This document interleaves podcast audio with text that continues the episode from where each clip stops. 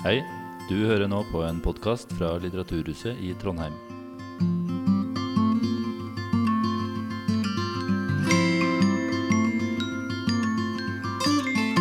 Hei, eh, utrolig hyggelig å være her. Mitt navn er eh, Mattis Øybø. Jeg er eh, Martes redaktør fra Tiden Norsk Forlag. Eh, og da jeg fikk lese Martes siste diktsamling for første gang i september i fjor, så var det et par ord som på en måte slo meg. Eh, og et av de ordene som slo meg, var moden. Men samtidig så er det et ord som høres litt kjedelig ut, kanskje. Eh, men det jeg legger i det, er at jeg kunne merke teksten til en fullblodsforfatter. Det slo meg at dette var et manus som aldri kunne, som aldri kunne blitt skrevet av en debutant, og hvorfor skal jeg komme litt tilbake til. Kontroll var også et annet litt kjedelig ord som slo meg. Men det er ikke kjedelig i denne sammenhengen. For en moden forfatter med kontroll er samtidig fri. Hun kan skrive hva hun vil, og hun kan gå hvor hun vil. Fryktløst og med risiko. Men samtidig så stoler hun på leseren. Det er en forfatter som våger å skrive en linje som følgende. Og nå skal jeg få gleden av å lese litt fra Martes bok. en vårnatt skal vinden blåse gjennom mitt sinns jasminblomst og føre meg ut i nye retninger. Akkurat det er en setning som en forfatter kunne blitt på en måte slått ned på.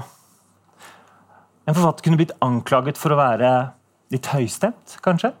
Med den forhåndsstilte eiendomspronomene. Og blomstrete i ordets liksom, mest konkrete betydning.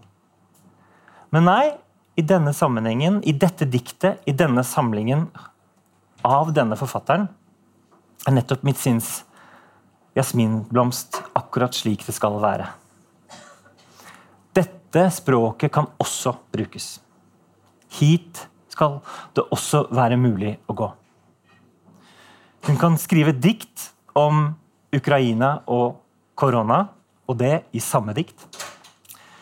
Hun kan skrive naivt, uten en tanke, fra barnets perspektiv, men samtidig følge denne naiviteten til åpne og glassklare innsikter som sier alt om hva det vil si å være en skrivende forfatter, oppsummert i følgende to linjer.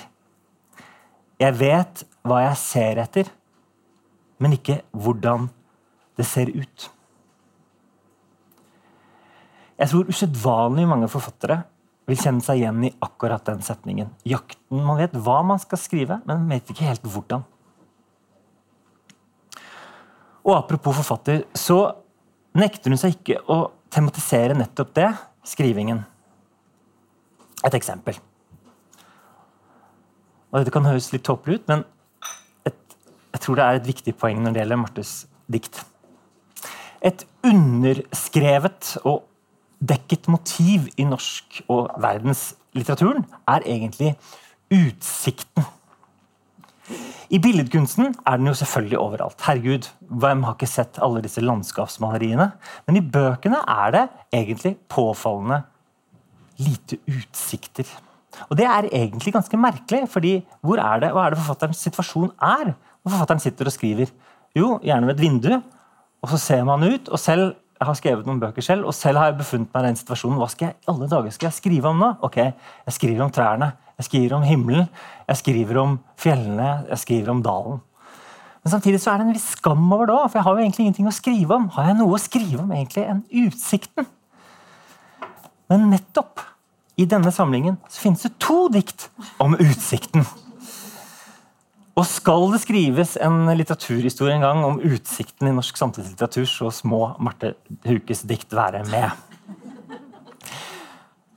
Dette er modig, fordi man våger å ta tak i det som ligger rett foran en. Og gjøre akkurat det som ligger rett foran en, og som på en måte kanskje er banalt for mange, og gjøre det til litterært stoff. Jeg er så heldig å være redaktøren til Marte, altså. Hun var også en av de aller, aller første forfatterne jeg antok som fersk forlagsredaktør da jeg begynte i 2001. Og da hun kom med manuset, og jeg leste manuset til Delta med stor begeistring. Og nå skal hun og jeg snakke om de over 20 årene Marte har vært forfatter. Og kanskje litt om de neste 20. Vi får se. Men først, Marte. Føler du deg moden?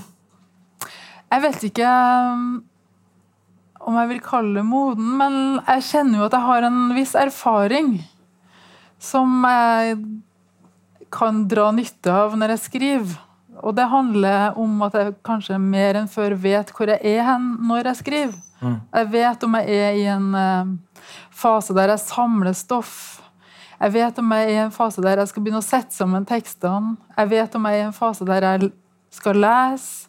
Altså, jeg kjenner meg sjøl og rytmene mine bedre enn jeg gjorde i starten. Da. Og det kjenner jeg kanskje litt Da har man kanskje modna det litt. Ja. ja. Men var det ikke sånn før? At du ikke kunne kjenne hvor du var i, i den kreative prosessen? Nei, ikke i starten. For i starten så var det veldig Da blanda det seg veldig det her med om jeg var en leser eller om jeg var en skriver. Altså, kritikeren satt kanskje på skuldra mens jeg skrev. Mm. Mens nå kan jeg på en måte børste bort den og si bort. Jeg vil ikke ha det her nå, for nå skal jeg, nå skal jeg skrive og nå skal jeg prøve å være fri og ikke tenke så mye på hva det skal bli. Mm. Og så kan kritikeren komme inn seinere og redigere stoffet. Så jeg tillater meg sjøl kanskje mer å um, skrive det jeg vil. Mm. Nettopp. Så den kritikeren, at du har fått en, en måte, metode for å ta den kritikeren Plassere den kritikeren på rett punkt i, tids, i prosessen? da? Ja, i hvert fall. Eh, men den kommer jo selvfølgelig inn noen ganger når jeg ikke vil ha den her. Ja, ja, ja. Men uh, jeg kjenner meg sjøl litt bedre som skriver, da. Men eh, når man har på en måte gitt ut bøker i over 20 år, så er det jo altså det er jo en annen tid nå Eh, på så mange måter i, eh, i, 2023 enn det er i 2002, da Delta kom ut. Um, hva altså, Det er mange måter å svare på det spørsmålet, men hva har endret seg egentlig? Altså, både med, med din, altså det, En ting er den prosessen du snakker om nå, men har du på en måte føler at du har endret skrivestil, eller har du føler du har utvidet der? Føler du har, eller kjenner du fortsatt igjen Marte Huke fra Delta i 2002? Ja, jeg kjenner igjen Marte Huke, som skrev 'Delta' i 2002. Det gjør jeg. Um, og det er um, Altså Jeg prøver alltid å skrive en ny bok. Jeg prøver å ikke gjenta meg sjøl. Men ofte når jeg har skrevet en bok, så ser jeg ja, men det ligner jo ganske mye på det som var der, og det som var der. og Du har jo noen grunnmotiver som du gjentar Ehm, det kan være eh, landskapet, eller det kan være utsagnsposisjonen, eller det kan være uh, rytmen, musikaliteten um, Måten man setter sammen setningene på. Men jeg har utforska veldig ulike altså Jeg vil si at bøkene mine ser ganske forskjellige ut. da. Det det syns jeg. Mm. Det er ulike, ulik form. Uh, men det som er likt, er vel kanskje det at jeg har en sånn narrativ linje gjennom mange av diktsamlingene mine. Jeg prøver å fortelle en historie. Mm. Men tenker du at det altså, Fordi det som slår meg, da, er at, um, er at når man kikker på noen av i de to siste bøkene dine så har du på en måte blitt eh, omtalt som ok, nå skriver hun om å bli mor, nå skriver hun om barnet. ikke sant? Men går man tilbake i noen av eh, samlingene dine, i Se sol f.eks., mm. så ligger jo f.eks. leken mm. eh, som en sånn helt grunnpremiss i hvordan den eh, diktsamlingen er eh, strukturert, eller hvordan den på en måte starter. Mm. Um, og at det eh, naive blikket, barnlige blikket, har vært der egentlig hele veien. da. Eh, og det syns jeg var egentlig sånn flott å merke når jeg liksom skulle forberede samtalen og se litt, se litt på hva du har vært, vært uh, hva du har skrevet om før, og hvilke motiver du har vært opptatt av. At det finnes en ganske klar kontinuitet også i motivvalg da, mm. og fascinasjoner. Ja, absolutt. For i Se Sol, da, som var min andre diktsamling, der er det veldig mye sånn uh, Der utforsker jeg liksom de første Det å bli en skriver, det å altså, lesebokspråket og, og sånne ting. Mm. Og lydene og de minste bestanddelene i språket, kanskje. Som også er noe som barn er opptatt av. Mm, nettopp. Ja, ikke sant? Og det, eh, det er jo det som eh, Men har du på en måte Har det bare Har du vært bevisst det, på en måte? Altså, har det vært en sånn type Det barnlige fulgt deg Har du tenkt på det mens du har jobbet med det, eller er du bare, har det bare blitt sånn? Jeg har alltid vært veldig barnlig. uh, nei, jeg har egentlig ikke tenkt så bevisst på det. Det har utkrystallisert seg etter hvert. da. Jeg har bare tenkt hva er fascinasjonen min nå? Og så har jeg gått dit. Jeg er ikke noe konseptuell forfatter. Jeg har ikke sånn kjempemange ideer om hva jeg skal gjøre før jeg gjør det. Og så kan jeg i ettertid se hva jeg har gjort. Men det er det som er litt sånn det det, Nå er det litt sånn psykoanalyse her, da. Eh, fordi eh, Hvis man ser, ser på titlene dine, f.eks. Eh, altså Delta, som kan jo fort leses som Delta. Eh, eh, en bok som heter Se sol. Eh, altså det er noe henvendt i begge de to uh, um, titlene. Ta imot. Også veldig veldig henvendt. Det finnes et slags du, og så ikke minst du er et levende sted. Som jo selvfølgelig er henvendt til barnet, men kan like gjerne være henvendt til deg som til leseren. Eh, og, og nå los, da, som jo på en måte er virkelig å strekke Apropos å strekke hånden ut, ikke sant, som det er her. Det er jo en, det er jo en slags klar eh, kontinuitet av den, den henvendende eh, formen. da, En, sånn, en henvendt eh, stemme, er det ikke det? Ja, det, det var ikke planlagt. Mm, men eh, jeg ser hva du sier. Så du bare nikker og sier ja? Ja. mm. Det jeg har tenkt på, er at det er imperativ. Sånn Ta imot! Ja. Se sol! At det kan Ja, sånn oppfordring. Ja. Men er, det, er den henvendelsen Er det er du, da? Den, den deltakende, enten om det er leseren eller om på en måte det er et annet du. eh, Er det en, eh, noe på en måte du ser for deg når du skriver? Sånn, ja. Ehm, ja Det var et vanskelig spørsmål. For det handler jo om hva Om man ser for seg en leser, egentlig. Man tenker på en bestemt leser, kanskje. Ja? Det gjør jeg kanskje ikke. Tror jeg ikke. Men jeg tenker jo at eh, Altså Sånn som jeg tenker på litteratur, da, så er jo det for noen. Det er jo ikke bare for meg sjøl. Da kan jeg jo skrive dagbok. Mm. Um, jeg tenker jo at noen skal lese det. Når jeg, fordi at når jeg setter sammen en diktsamling, så tenker jeg jo på at noen skal lese det, selvfølgelig. Men um, jeg er kanskje opptatt av det um, Jeg er jo veldig opptatt av relasjoner, egentlig. Mm. Ja. Ja. Um, Ja, nei, men Nei, det er jeg, jeg, jeg, bare, jeg, er jo uh, din jeg, eh, jeg elsker jo bare å lese og, og finne mening ut av lesning. Det er jo ikke sikkert at du finner den samme meningen, men det er så interessant å se hvordan disse mønstrene oppstår som du kanskje ikke er eller som du på en måte Du følger noen fascinasjonspunkter da, som du på en måte ikke har litt, Ja. altså Diktene er språk for. på en eller annen måte. Men du har jo em, en, på en måte en, også en velutdannet poet. Eh, gått på Skrivekunstakademiet i Bergen, gått på litterær gestaltning i Göteborg. Eh, og jeg lurte litt på om du føler deg som en del, og særlig kanskje dette som skjedde på, i Bergen på 90 slutten av 90-tallet. Om du følte deg som en del av en generasjon på, en måte, på den tiden? Altså, mm. hvor, hvor, betydningsfull var mm. Den tiden for deg som forfatter? Ja, den var kjempeviktig. Da, da gikk jeg på Skrivekunstakademiet, og så gikk jeg på litterær salong, og så hadde vi skrivegruppe, og så vi var mange som skrev, som uh, møttes ofte. Og, og, det ga oss en sånn boost. Liksom, at det her går an å holde på med. Det her er noe vi kan snakke om, vi kan skrive, vi kan sette i gang ting, gi ut bok sjøl. Altså, fikk en sånn sjøltillit på det. da.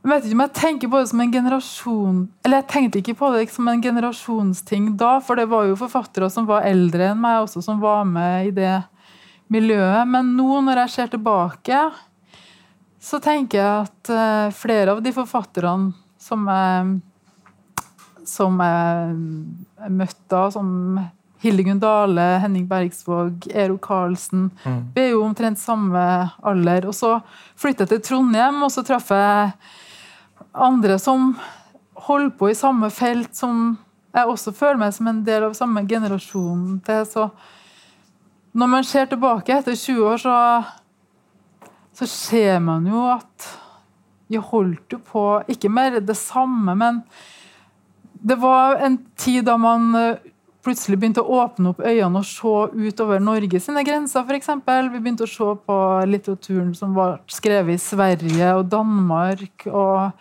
leste tidsskrift og dro på festivaler på tvers av grensene. Så det begynte liksom å flyte litt mer, og det hadde jo kanskje å gjøre med at internett kom, ja, ja. og tidsskriftene kom. Um, og den bevegelsen har jo kanskje ikke stoppa Det flyter jo fremdeles over grensene. Men ga det, ga det selvtillit, på en måte? Altså Ga det en eller annen form for sånn sikkerhet i, i når man skal ja. først gir ut bøkene sine, hvem man er? og ja med tanke på hva man, hva man gir ut, og hvem, hva man er en del av? Ja, absolutt. For meg var det veldig viktig å være en del av et fellesskap. Og jeg kjente at jeg skapte noe sammen med noen. Og kunne diskutere tekst og vise fram tekst og få respons. Og, og det, men også det å formidle den litteraturen som jeg leste og likte. Mm. Jeg lest, hvis jeg leste Fredrik Nyberg, f.eks en poet fra Gøteborg, så kunne jeg invitere han til Trondheim. Og så kunne folk i Trondheim høre ja, men det her er jo fantastisk. Mm. Så, fordi at det ga seg ikke sjøl. Hvis noe skulle skje, så måtte vi gjøre det sjøl. Det var kanskje det jeg kjente veldig på. at Man måtte gjøre det sjøl, og vi gjorde det. Og altså, det var en sånn frihet i det. da. Og det fikk man også en sjøltillit av at ting skjedde. Men jeg tenkte sånn, for det som er litt sånn interessant med generasjoner for det, litt, av, litt av grunnen til at jeg spør om dette, her er jo også at jeg mistenker at eh, situasjonen er litt annerledes for unge forfattere i dag. Eh, det er jo på en måte at man, eh, Når man befinner seg i en sånn gruppe, så ønsker man å fylle et rom man mener ikke finnes. ikke sant? Altså Det er mange sånn motivasjoner for å gå inn, eller, eller man har lyst til å rive noe ned fra pedestallen. eller Det finnes mange ulike krefter da, som får en ny generasjon å på en måte innta en posisjon. Mm. Uh, og her virker det jo som det var på en måte en, at For dere virket det som på en måte var at det finnes noe som ikke er ikke er i norsk eh, poesi mm. eh, eh, ennå. ikke sant? Som ja. dere skal på en måte bringe inn. Ja, litt sånn. Mm. Ja. Mm. Nei, jeg, jeg, jeg, jeg, vet ikke om du er enig i det, eh, men jeg, har jo som forlagsredaktør så har jeg kontakt med en del unge forfattere. Og i mindre grad enn hva jeg var vant til da jeg eh, vokste opp som litterært interessert, og som åpenbart dere også gjorde, eh, er jo at i mindre grad er det den hva skal man kalle det, kampviljen, da, kanskje. Eh, eller, eller, kanskje det handler om kanskje at motkreftene ikke er sterke nok. Og, altså, der finnes noen sånn ja, Kanskje ikke det finnes nok helter å rive ned. Jeg vet ikke. Eh, det er bare en eh, mistanke jeg har, en litt sånn dystopisk mistanke jeg har på de unges fremtid. Dessverre. Noen kan sikkert prøve å motbevise meg her. Ok. Eh, men Marte, jeg har lyst til at vi skal prøve å nærme oss noe jeg selv er nysgjerrig på, og alltid er nysgjerrig på, nemlig selve liksom skapelsen. Um, uh, hvordan blir et dikt til? Ja. Uh, for du snakket i stad om en sånn samleprosess. Uh, og en skapelsesprosess, at du nå visste i større grad mer hvor du er. Men når du er i den skapelsesprosessen, da, altså, er det mulig å sette noen noe ord på Sette fingeren på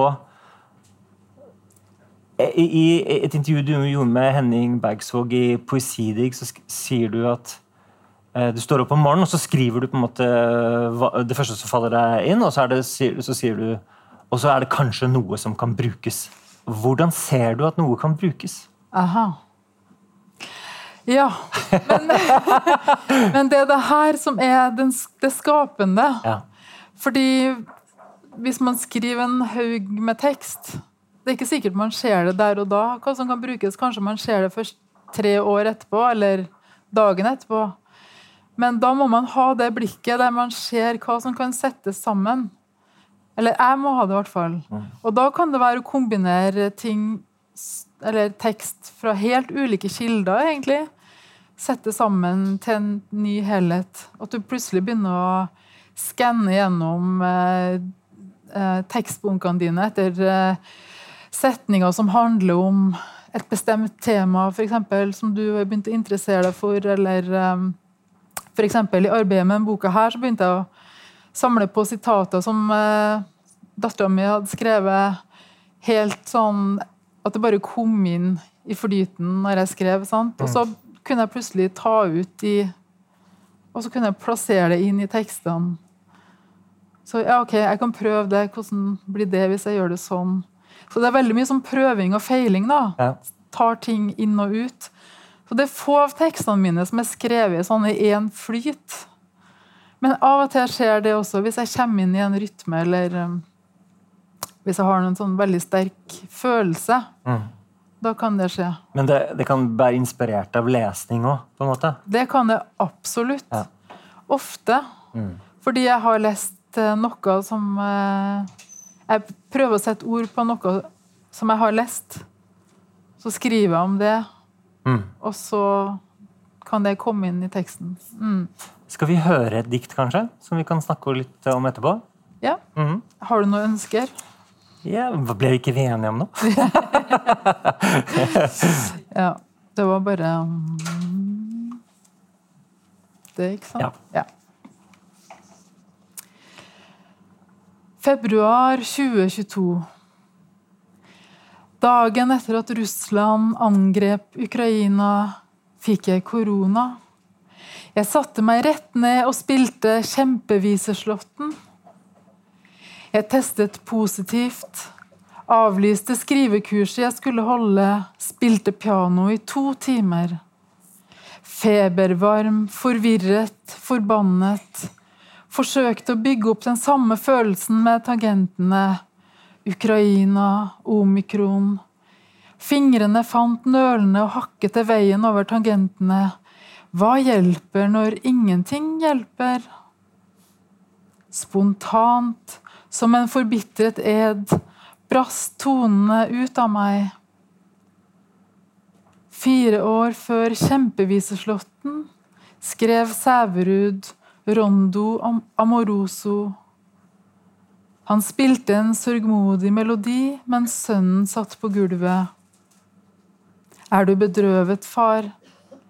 Ja, jeg er bedrøvet. Faren spilte en ny og lysere melodi. Slik vokste stykket fram. Barnestemmen, voksenstemmen, omskapt til en komposisjon.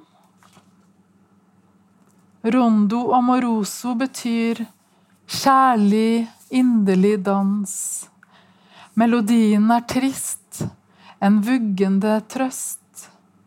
Den ble skrevet før krigen. Ja, jeg, jeg husker jeg leste det diktet første gang. Jeg spilte Rondo Moroso hele den kvelden. og der måte, kommer du nesten inn på den, akkurat det vi snakket litt om i stad. Barnestemmen, voksenstemmen i en ny kom, eh, komposisjon, eller uh, i en kombinasjon av uh, komposisjon. Det er kjempefint, altså. Men, men hva Hvor kom Hva skjedde? Hva, hva, hva Ukraina, eh, Ukraina uh, omikron, var det ikke det? Sånn ja. ordpar som plutselig bare Ja, det var sånn fordi jeg hørte på nyhetene, og så hørte jeg liksom Ukraina, omikron, og så bare Men de to ordene ligner jo, tenkte jeg.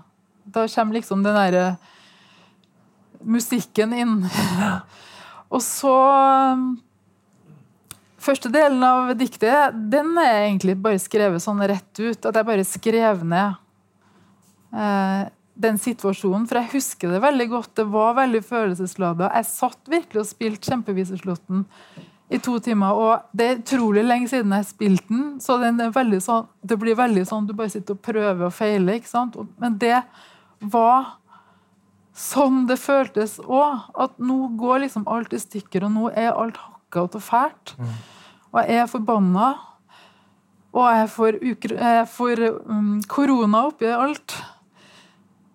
Og så eh, leste jeg om Sæverud etterpå, fordi jeg skrev om kjempeviseslåtten. Og da kom jeg over den eh, fortellinga om Rondo og Moroso, hvordan den ble skrevet fram. Da, at det var en sånn situasjon der han satt og komponerte, og sønnen satt på gulvet. Og så følte jeg at det kanskje speila litt mm. det jeg holdt på med i teksten det jeg holdt på med i boka. Eh, så der kjente jeg at der var det en speiling da, som jeg ville ha med eh, i manuset. Som jeg da kunne klippe sammen med kjempevisekorten. Ja, ja, ja.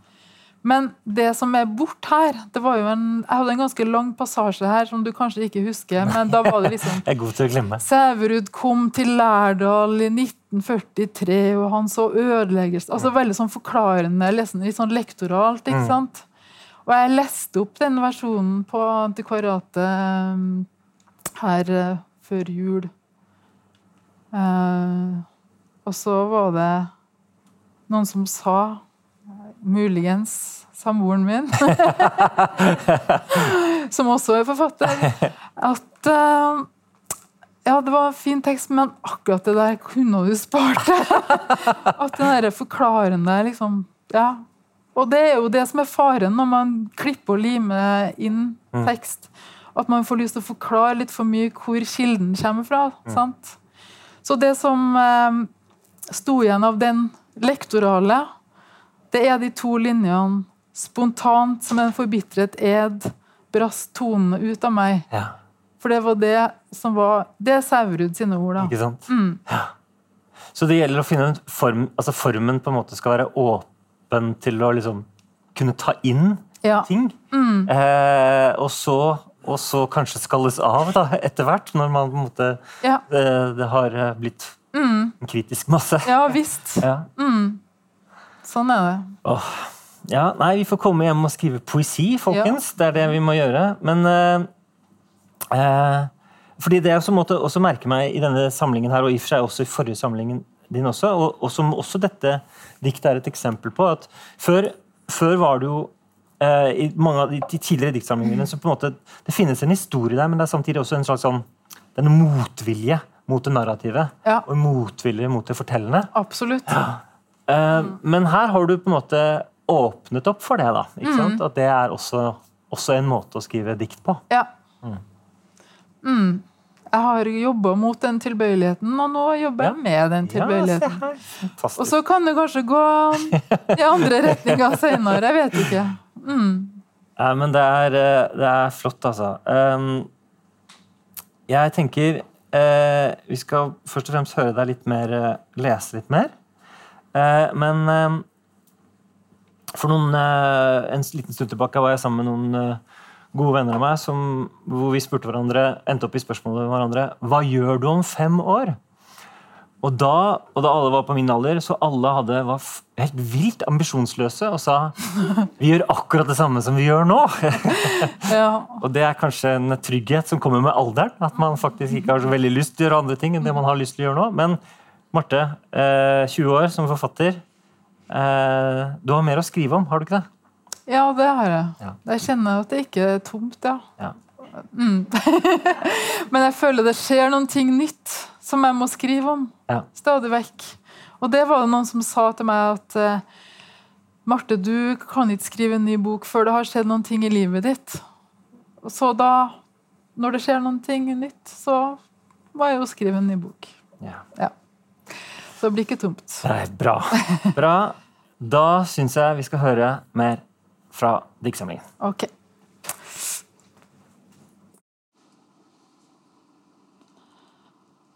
Jeg våkner eller blir vekket. Jeg drømte at klokka er en skapning som selv kan snakke. Den sa, stol på meg, jeg vet hvor du skal, jeg skal avslutte og begynne om og om igjen. Det er derfor du har kommet hit. Denne morgenen sitter drømmen ved bordet.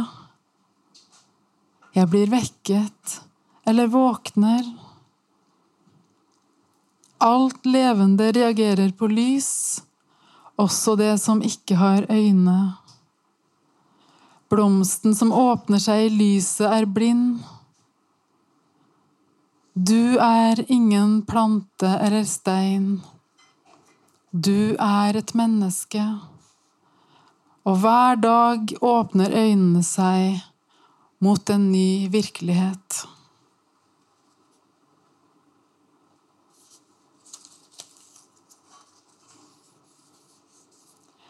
Jeg lar hånda gå i ring på arket, tegner sirkler som utvides og utvides.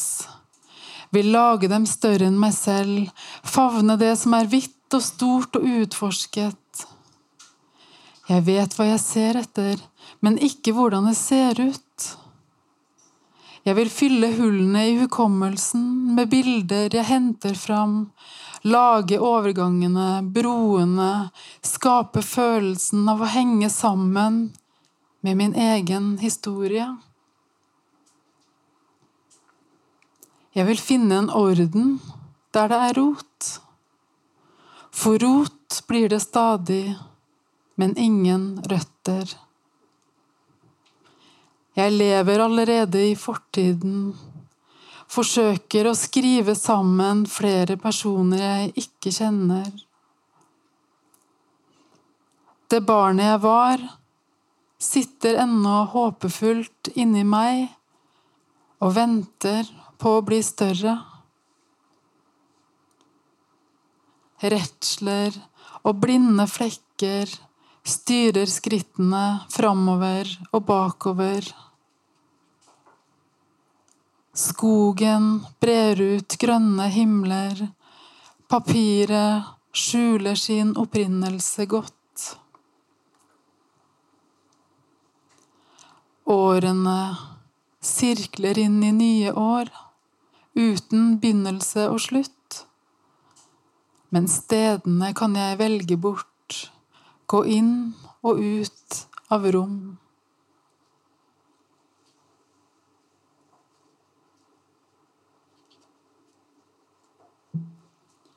Barnet sier Alle har en fjær i hjertet, der vi føler at hjertet er helt sant. Alle i byen holder fjæra hemmelig.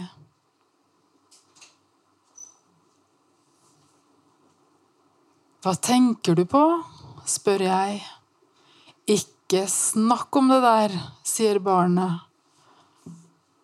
Vi trekker oss tilbake på hvitt papir, blir ett med bordflaten, så blikkene ikke kan møtes.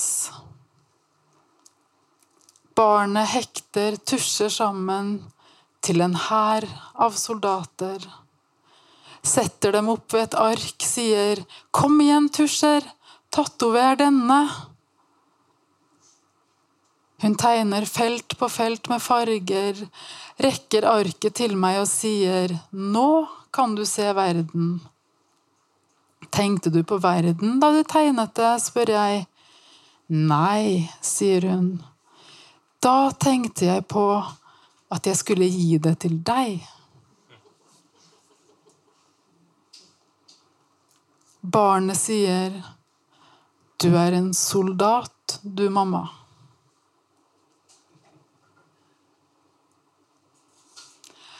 Alt blander seg alltid.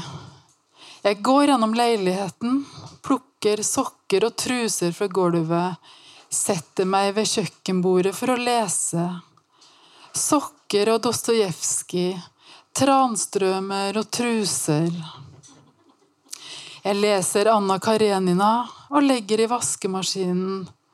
Bestiller en printer til kontorfellesskapet og trøster en venn på telefon setter sammen et dikthefte til skrivekurset og planlegger en kake jeg skal bake, stopper en sokk og tenker på penger. Utsikten fra vinduet endrer seg. Ulempen ved å skrive ved et vindu er at utsikten er alt du får lyst til å skrive om. Bak Prix rygger lastebilen inn mot lasterampen Coop, ditt. Inger Christensen hadde skrivebordet sitt ved det eneste vinduet i leiligheten som ikke hadde utsikt. Hun stirret rett inn i en vegg. Der så hun stadig noe nytt.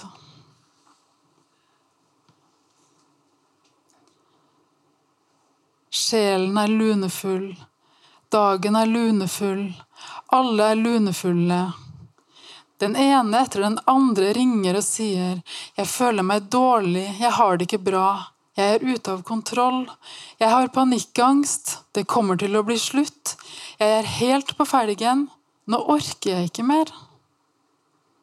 Jeg legger øret til røret, spinner strå om til gull, leter etter hjerter, finner egg, tar på meg sjumilsstøvler og beveger meg mot berget det blå. Undersøker forholdet mellom form og innhold. En gang skal fjellet åpne seg. Da vil det skje. Da kommer trollet.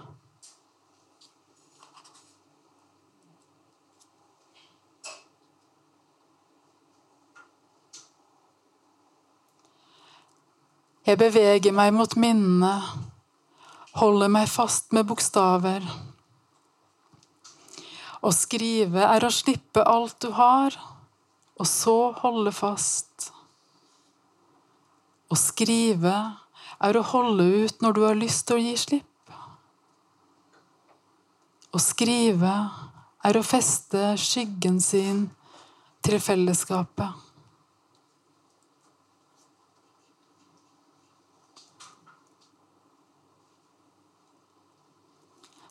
Dannelse.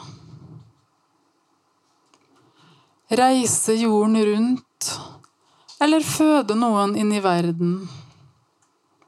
Se verden, eller skape en verden. Skaffe seg et liv, eller skape et liv. Kretse rundt noe, eller rulle av gårde av sin egen kraft kretse i ring eller drive framover. Jeg går i mine egne baner, rykkes ut av dem. Et øyeblikks forvirring. Nå blir jeg til.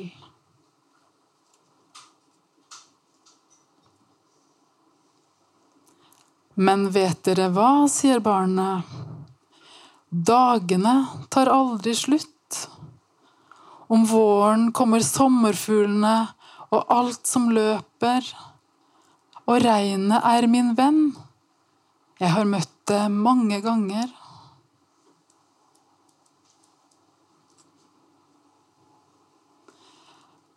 Barnet sovner, viklet inn i stillhet. Jeg trekker gardinene fra for å se hvilken vei vinden blåser. Vinduet står åpent, sommeren er uten mørke. Skyggene i gresset utvider seg, vokser tungt under hver busk. Alle får epler når høsten kommer. Bittet i det friske eplet. Brunfargen som langsomt trenger gjennom kjøttet. Barnet våkner og sier, 'Jeg har hatt en stor drøm'. Jeg drømte om et slott som var laget av tau, murstein og tømmerstokker. Og du, mamma, sa, her kan du vente med en kjærlighet i handa. Takk for meg.